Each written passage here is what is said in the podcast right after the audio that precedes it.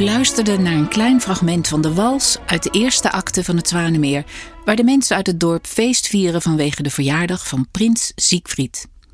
Het ballet Het Zwanemeer is wereldberoemd. Muziek uit het Zwanemeer wordt gebruikt van reclame tot films. De componist Piotr Ilyich Tchaikovsky heeft helaas tijdens zijn leven nooit de waardering gekregen voor zijn werk. Zoals vaker bij kunstenaars kwam de erkenning voor zijn geniale muziek pas na zijn dood, na 1893. Mijn naam is Lin van Ellinghuizen, ik ben inleider bij het Nationale Ballet. Omdat we tijdens de voorstelling kijken naar wat er op het podium gebeurt, lijkt de muziek zo vanzelfsprekend. Maar wat horen we eigenlijk? Wat gebeurt er muzikaal terwijl we naar de scènes kijken? Hoe klinkt de scène waar Siegfried zijn verlangen toont naar zijn vrijheid aan zijn vriend Alexander? Hoe horen we die koninklijke sfeer of de stilte en de rust van het water van het meer? Aan de hand van het verhaal hoort u de verklanking hiervan in muziekfragmenten. Harpist Jet Sprenkels, de hoboïst Juan Mendoza en eerste violiste Sarah Oates van het Balletorkest luisteren mee en delen hun ervaringen en kennis met ons. Ik ga uit van de choreografie van Rudy van Danzig en Thor van Schaik, gecreëerd voor het Nationale Ballet.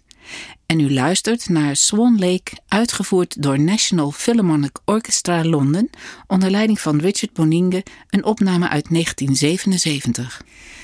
Naast mij zijn aangeschoven in de studio Jet Sprenkels, harpist. Welkom. Ja, dankjewel. En uh, Juan Mendoza, hij is oboist van het balletorkest. Ook welkom.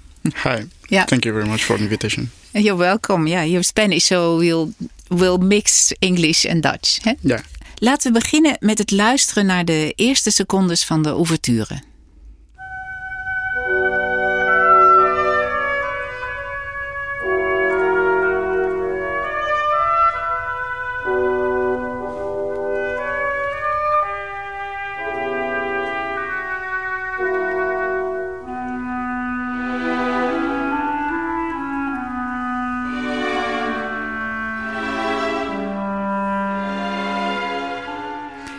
Dit klinkt voor mij als het begin van een sprookje. Als er was eens.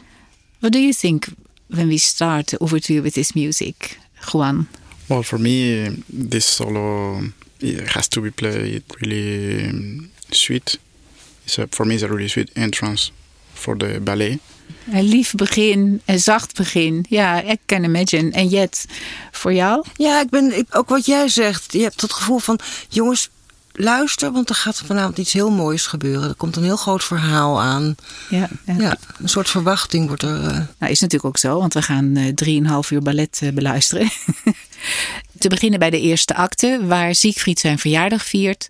En daar worden allerlei dansen door de mensen uit het dorp voor hem gedanst.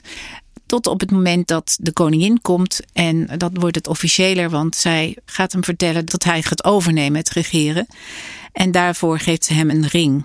En daarna krijgt hij een kruisboog. En het interessante van die muziek vind ik dat je echt twee verschillende momenten hoort. Je hoort een beetje het zachte qua geven van de ring en dan wat fermer die kruisboog. Laten we even luisteren.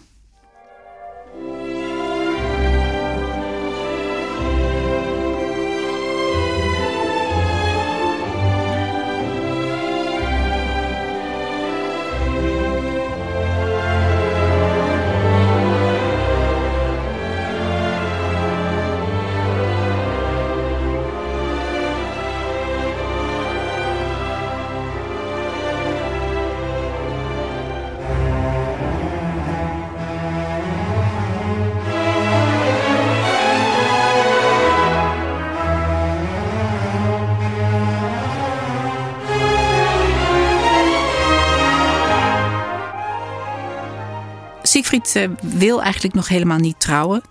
En hij heeft een vriend Alexander aan wie hij dat ook duidelijk maakt. En dat is bijna op het eind van de eerste acte. En dan hoor je een solo van Siegfried waarin hij heel lyrisch danst. En zijn vriend Alexander kijkt toe. Siegfried verlangt naar de vrijheid.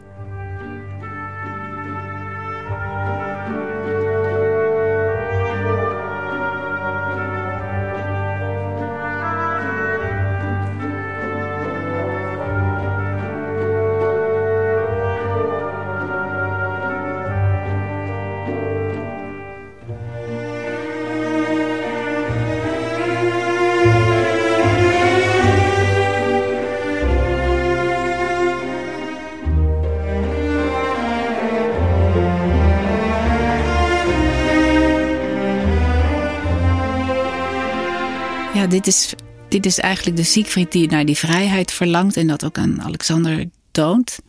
Hoe is dit voor jou als je dit hoort, Jet? Want jij ziet niet wat er boven je hoofd gebeurt, toch? Wij zien niet wat er boven ons hoofd gebeurt, wat heel vreemd is. Maar dat is nou eenmaal zoals het is. Ik begrijp wel dat, dat Siegfried hier, hij heeft net gehoord zijn, zijn, uh, dat hij de troon moet gaan opvolgen en dat hij uh, moet gaan trouwen. Dus ik begrijp goed dat hij een soort verwarring heeft en een soort zoekt naar hoe, wat gaat er gebeuren, hoe moet dit verder. We gaan even door, want hierna volgt het beroemde zwanenthema, waarbij Siegfried en Alexander beiden naar, naar boven kijken. En als het ware zien we als publiek de zwanen overvliegen. En daarmee besluit ze dan ook uh, de zwanen achterna te gaan, het bos in.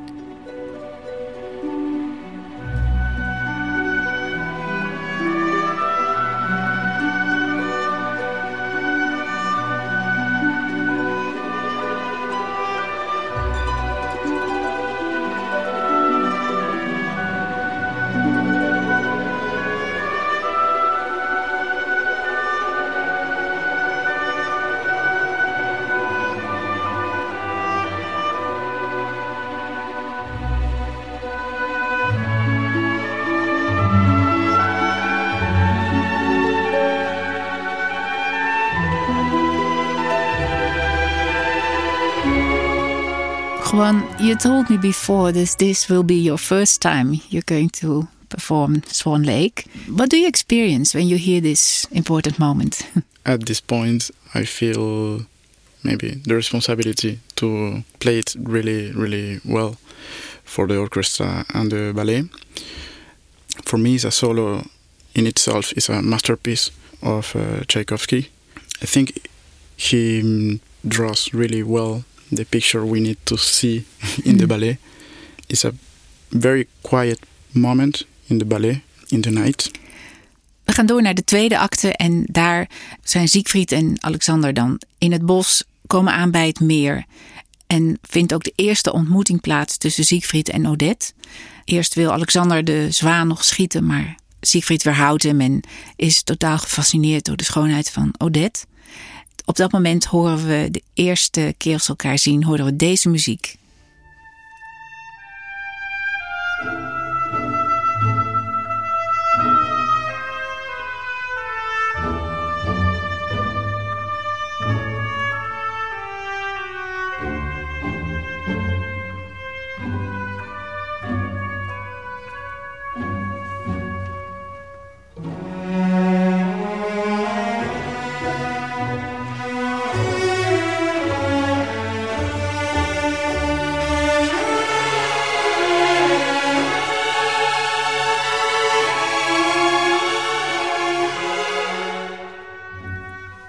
Juan, how is this moment for you when you listen to it? well, for me, this moment we can see that the oboe is really linked to uh, to Odette. So here is a, like a dialogue between the oboe and the orchestra. So I have to play it like speaking, very simply in a simple way, and uh, yeah. Is ook zo dat ze zijn inderdaad heel verbonden, Odette en de oboe. En het klinkt ook als een dialoog ook tussen haar en Siegfried. En Siegfried wil graag bij haar zijn. En uiteindelijk worden ze onderbroken door Roodbaard die daartussen springt en hen uit elkaar haalt. Ehm, na dit fragment, tijd later, komen dan alle zwanen op. En dat is altijd het moment in het Zwanenmeer ehm, dat ja, wordt geteld hoeveel zwanen er wel niet het toneel opkomen. Laten we even luisteren.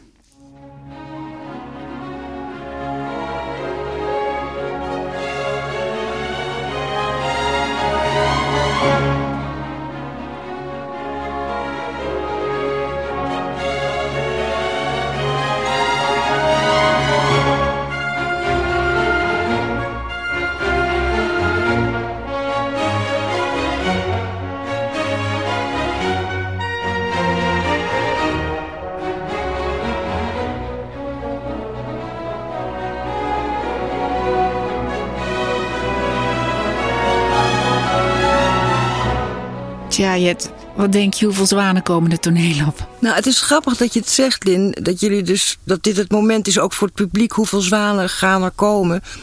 We hebben daar helemaal niks mee. Wij, wij spelen gewoon deze muziek. ehm, eh, als een soort decor, decor voor wat er boven gebeurt. Maar het is niet zo dat wij dat verwacht, die verwachtingen hebben of zo. Dat is eigenlijk grappig. Dat is het grote verschil natuurlijk tussen de dansers en de muzici. En wij zien het niet. Dus wij, wij, voor ons is dit heel anders.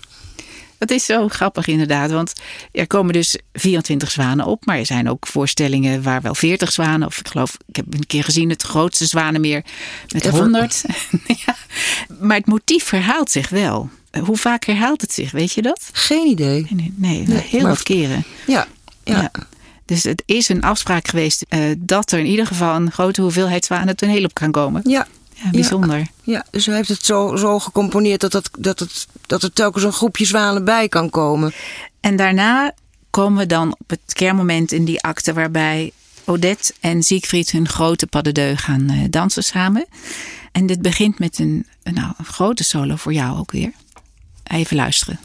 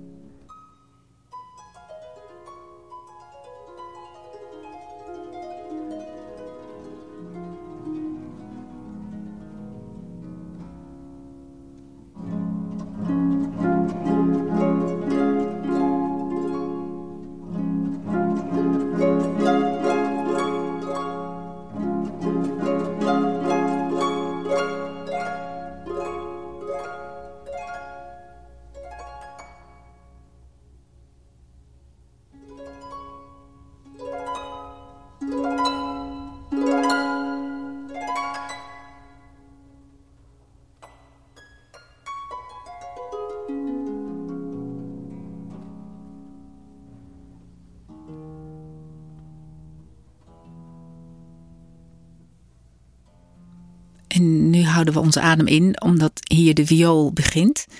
Uh, dat is dan echt een samenwerking tussen jou en de violist. Ja. En neemt hij het over. Het mooie is dat het altijd een introductie, of in dit geval, maar hij doet dat vaker, Tchaikovsky. Een introductie is naar een hele mooie pas de deux of een hele mooie adagio. En hier is dus de mooiste vioolsolo die er überhaupt bestaat ongeveer. En cello trouwens komt er ook nog bij.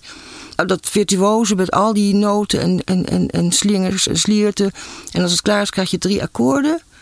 Bam, bam, bam. En dan begint het. En dat is zo'n mooi moment. Ja, ja. Maar ik moet eerlijk zeggen, ik kan het dus niet luisteren zonder dat ik adrenaline door mijn lijf voel. Terwijl ik dus niet speel op dit moment. Maar dat blijft, heel veel fysiek is dat. Dat kan ik me voorstellen. Sarah, welkom uh, in de studio erbij. Uh, jij bent concertmeester in het orkest.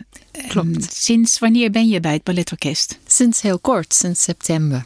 En daarvoor? Daarvoor heb ik tien jaar lang in Londen gespeeld met het Philharmonia Orkest. En daarvoor had ik uh, de baan als concertmeester bij het balletorkest. Ah, dus je was hier al eens ja, heen en ja. weer? Ja, het is mijn oude baan. Dus het Zwanemeer is bekend voor je? Het is bekend. De laatste keer heb ik het 15 jaar geleden gespeeld. Nou heb je ons een uh, interessant verhaal verteld voordat we hier aan begonnen. En dat ging over de positie van de concertmeester ja. in het orkest ten tijde van Tchaikovsky. Ja, dat was een interessante verhaal uit Rusland, waar de tsaar, die zou altijd de beste violist in het hele land uitnoemen tot de soloviolist van de tsaar. En dat was een heel eervolle positie. En dat persoon mocht dan altijd de solo spelen met het uh, ballet. En componisten zoals Tchaikovsky, die wist natuurlijk dat ze ter beschikking een supergoed violist had. Dus daarom is de traditie gevormd van uh, prachtige grote vioolsolos met veel virtuositeit en uh, heel uitgebreid en mooi. Omdat ze wisten dat het heel mooi gespeeld zou worden. En het was zelfs in die tijd, ze waren echt supersters, die violisten. En er zijn verhalen dat ze soms niet eens de hele ballet speelden. Dat ze alleen maar aankomen voor de solo, even de solo spelen en dan weer naar huis. Nee, niet. Ideaal. Ja, maar ik zal de hele ding spelen. Heel graag, heel graag. Maar bijzonder dus, uh, vandaar die mooie solo's voor viool. En daar zijn we ook gebleven wat betreft het verhaal. Zijn we aangekomen op het moment dat Siegfried en Odette hun eerste liefdesparadeu dansen in de tweede acte. De harp heeft als het ware een aanloop gespeeld en dan neemt de viool het over.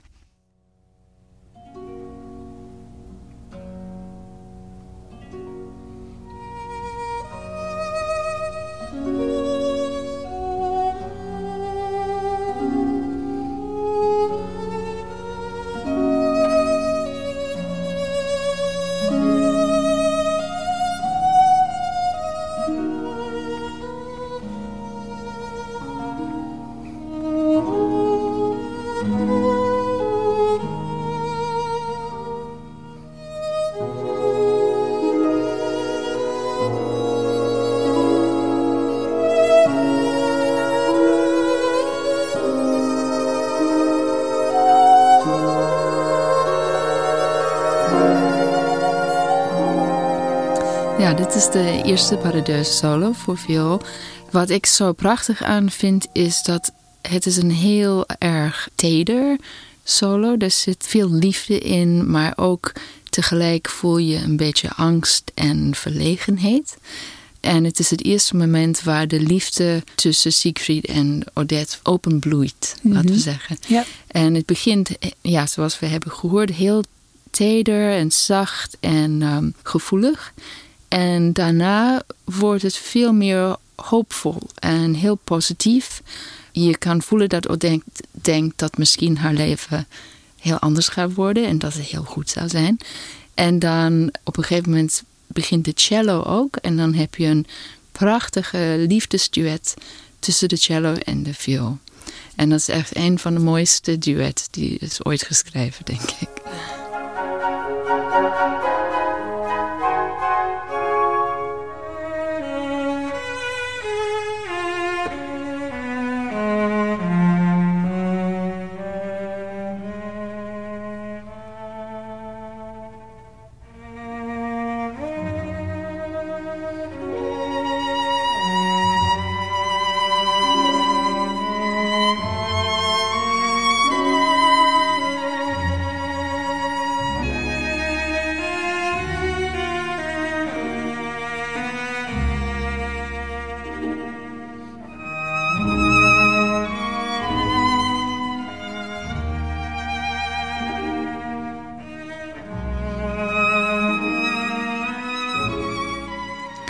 We hoorden van Jet, de harpiste, dat ze zei: Als ik luister naar de harpsolo, dan is dat helemaal een fysieke ervaring, helemaal adrenaline. Is dat voor jou ook zo?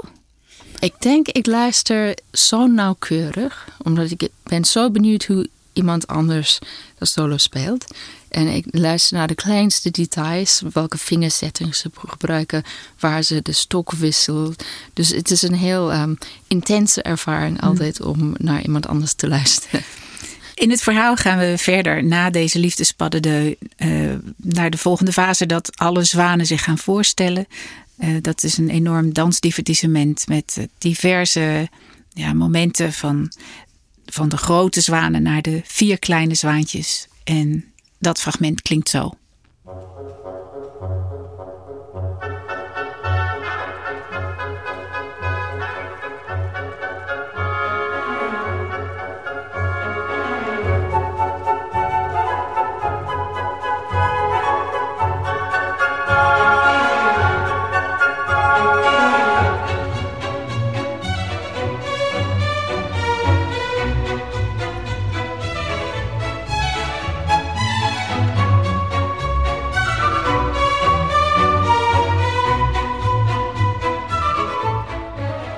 En ook hier is het weer zo mooi gecomponeerd dat de verschillende zwanen hun dansdivertissement laten zien.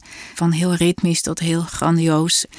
Dan gaan we naar de derde acte en de muziek verandert hier weer naar heel groots en luxueus. Want we zijn terug in het paleis waar de koningin een feest heeft geregeld om Siegfried voor te stellen aan hele diverse prinsessen en zo te proberen een huwelijk te arrangeren.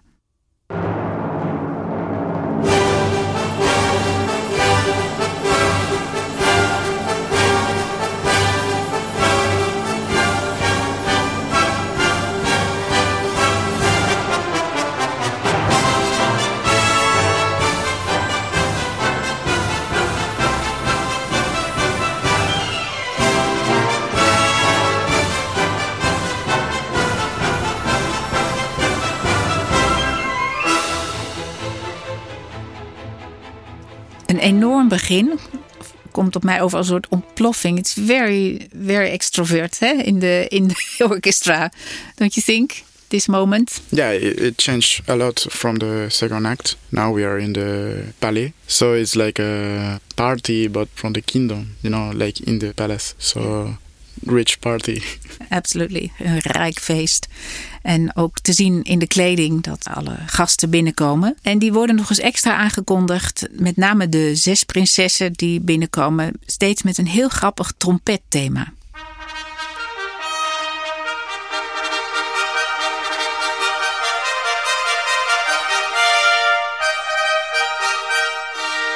En dan volgen de opkomst van steeds twee bij twee bij twee prinsessen die op een heel eigen manier en heel anekdotisch en grappig proberen indruk te maken op Siegfried.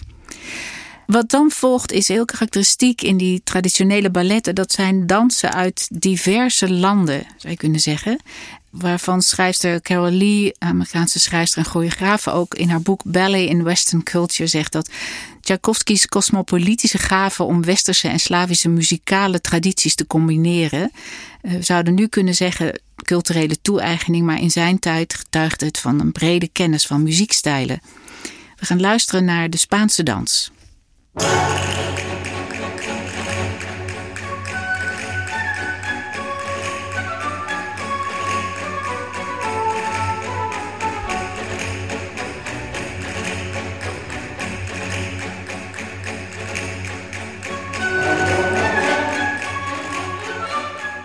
Waarom wordt toch Spaanse dans altijd weer gecombineerd met castagnetten?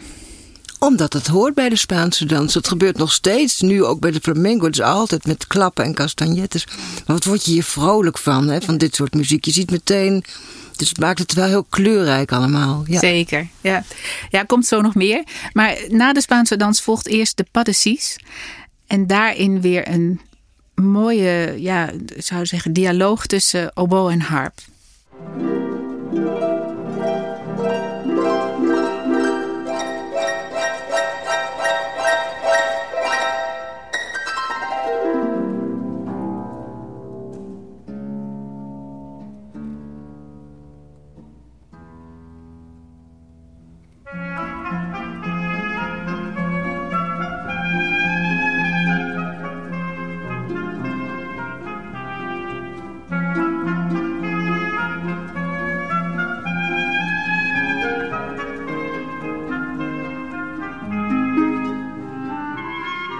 So this is a very fun moment for. Well, I say it's fun. Maybe for you, it's not fun at all. Well, we'll see. I have not played uh, this music before, so I will see with with the harpist. Tomorrow is your first rehearsal. Tomorrow is the first rehearsal, so I will tell you. Spannend, hè? Dus wat gewoon vertelt, morgen is de eerste eh, orkestrepetitie en volgende week gaat het Zwanemeer al in première. To me, it seems like a short rehearsal time. Yeah, actually, we have three rehearsals and then another three rehearsals with uh, the dancers. So for me, it's a very quick learning of the whole piece. But this is the, the ballet orchestra work. Na de Paddecies volgt een Napolitaanse dans en hier horen we de cornetta.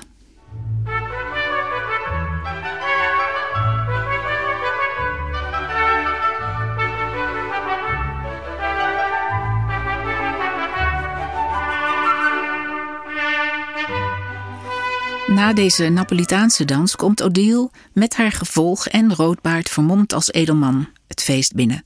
En Siegfried kijkt meteen naar haar, maar eerst volgt nog de Hongaarse Chardas voordat ze samen gaan dansen.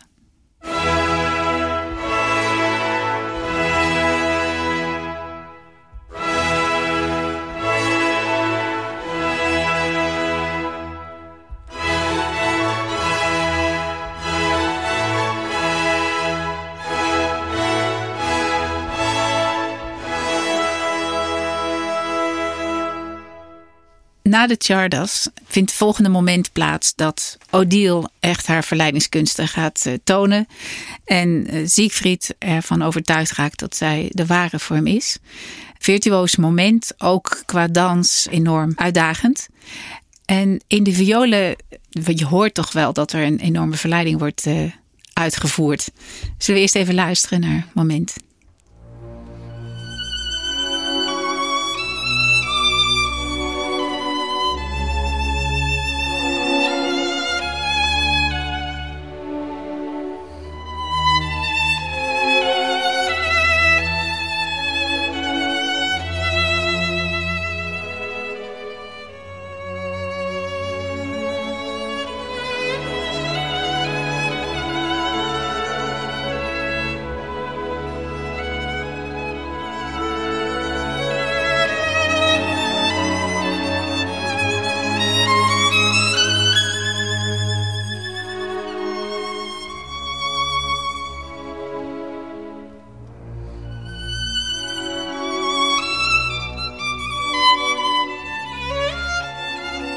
Hier is ze al behoorlijk aan het plagen.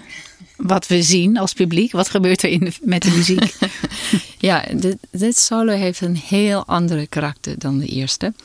Terwijl de eerste intiem en een beetje introvert is. Met deze solo er is niks introvert. Het is alles groot expressie, groot extrovert, zingen. Het is alsof in deze solo ze wil alle aandacht trekken naar haar toe, terwijl in de eerste wil ze dat juist niet. Dus de karakters zijn totaal anders. Deze is ook veel meer virtuoos. Ze wil alles laten zien. En dat kan je ook horen op de viool. Uh, octaaf van heel hoog tot heel laag. Uh, moeilijke dingetjes tussen. Alles wordt uit de kast gehaald om te laten zien hoe ongelooflijk ze is.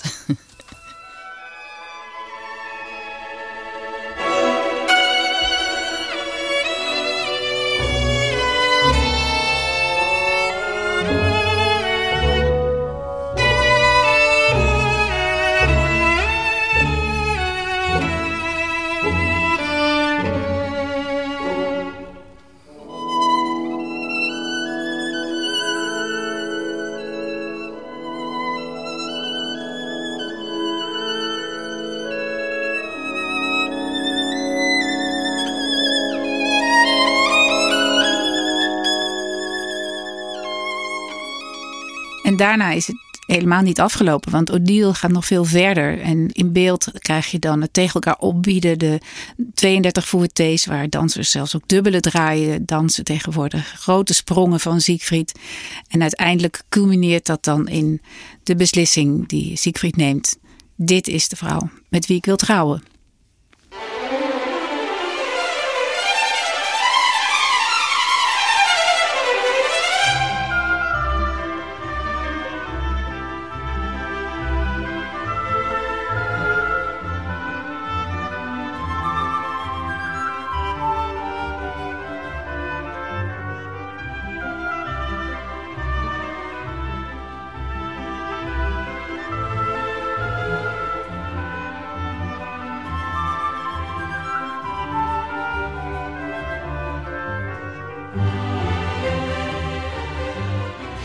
To me, this moment sounds very joyful, don't you think? Yeah, for me, it's a very fresh music moment. Maybe because he found someone to get married, and also his mother maybe is very happy about of this.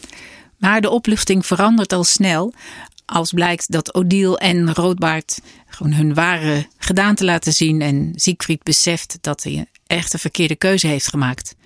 Een hele ommekeer op het toneel en ook muzikaal.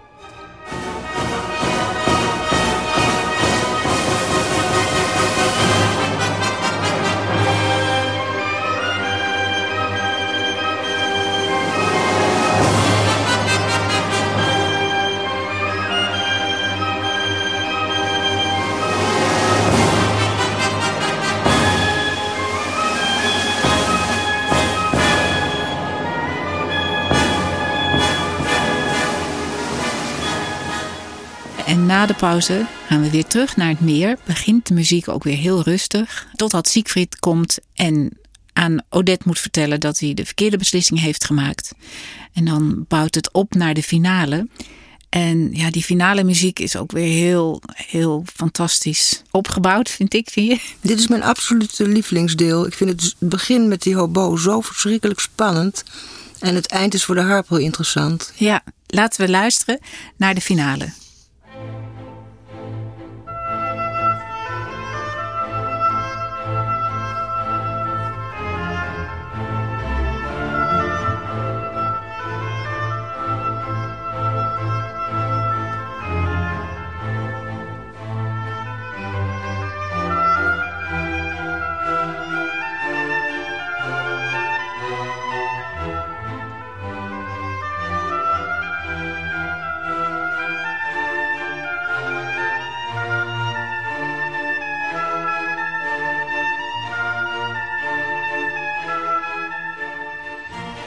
This is such a different atmosphere, don't you think, for the oboe?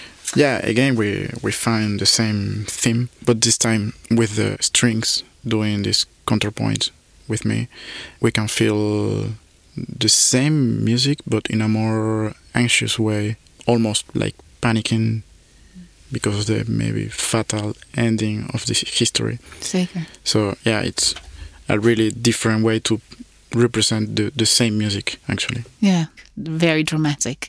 Yeah, the way he he can yeah, take the, the same music and do something really different. Het bouwt zich op. Siegfried beseft dat hij niet meer wil leven zonder Odette. En sorry voor deze spoiler, maar uiteindelijk besluiten dus samen, of althans Siegfried besluit haar te volgen. En Alexander vindt uiteindelijk het levenloze lichaam van zijn vriend. En dat horen we ook terug aan het eind.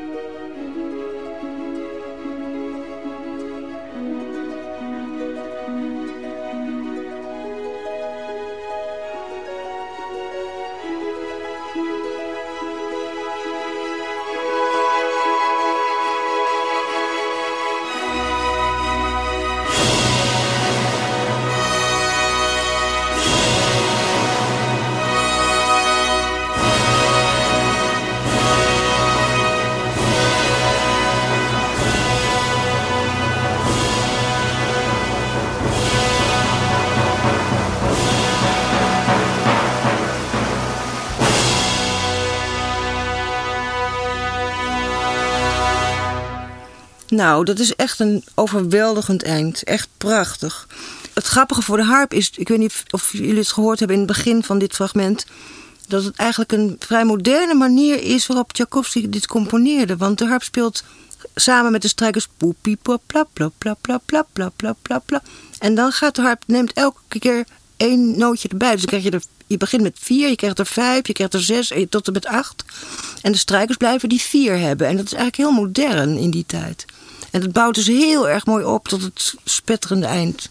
Sarah, na de finale, hoe is het voor jou als concertmeester na al die grote vioolsolo's? het is vermoeiend. Het Ja. is echt vermoeiend, ja. Want natuurlijk, de solos zijn in zichzelf vermoeiend. En, en ze, ze nemen heel veel concentratie, heel veel eh, skill. Maar ze zitten in een totaal van drie uur lang muziek. En als concertmeester, je hebt een heel nauwe band met de dirigent, die een nauwe band heeft met de dansers. En er zijn zoveel verschillende dansers met verschillende timings. Dus je moet constant alert zijn om te kijken hoe gaan we het vanavond timen. En wat is anders dan gisteren en hoe gaan we het nu doen. Dus het neemt heel veel concentratie. En dan om die tweede solos te spelen. En dan bovenop is het, Tchaikovsky is altijd fysiek zwaar. Want het, het is heel virtuoos muziek. En eh, de eerste violen hebben altijd heel veel noten. Ehm, dus je, je bent wel echt moe na afloop. Ik denk ook eh, nu nog steeds dat de muziek van het Zwanemeer is zo bepalend, ook zo ultiem. En dat daardoor ook het ballet zo fenomenaal is. Het, het klopt gewoon bij elkaar. En wat Tchaikovsky ook heeft gedaan is, hij heeft het onderwerp van de acties en de personages en een ontwikkeling in de muziek heeft hij zo mooi gecomponeerd en daardoor ook echt een artistieke meerwaarde gegeven. De muziek stond op zichzelf. Absoluut. En uh, daarvoor had je componisten zoals Ludwig Minkes of Cesare Pugni... die die waren eigenlijk meer dienstbaar aan wat op toneel werd gedanst. Hè? En Tchaikovsky heeft het zeker, uh, de fundamentele kijk op de rol van balletmuziek enorm veranderd. veranderd ja. ja. En dat is niet voor niks dat we na al die tijd nog steeds genieten van deze grote balletten. Ja, ik hoop dat we een mooi beeld hebben kunnen geven van deze rijke muziek. Er is nog zoveel meer te vertellen over de hele Zwanemeer. Eh, daarmee zou de podcast echt veel te lang worden. Maar er is wel iedere avond drie kwartier voor aanvang een inleiding waar we u voor uitnodigen. En daar nog veel meer vertellen over de geschiedenis en het maakproces van de voorstelling. Nogmaals dank aan Jet Sprenkels, Juan Mendoza en Sarah Oates. En ook uh, dirigent Matthew Rowe, die heeft meegewerkt aan de totstandkoming van deze podcast. Ik hoop tot ziens in het theater.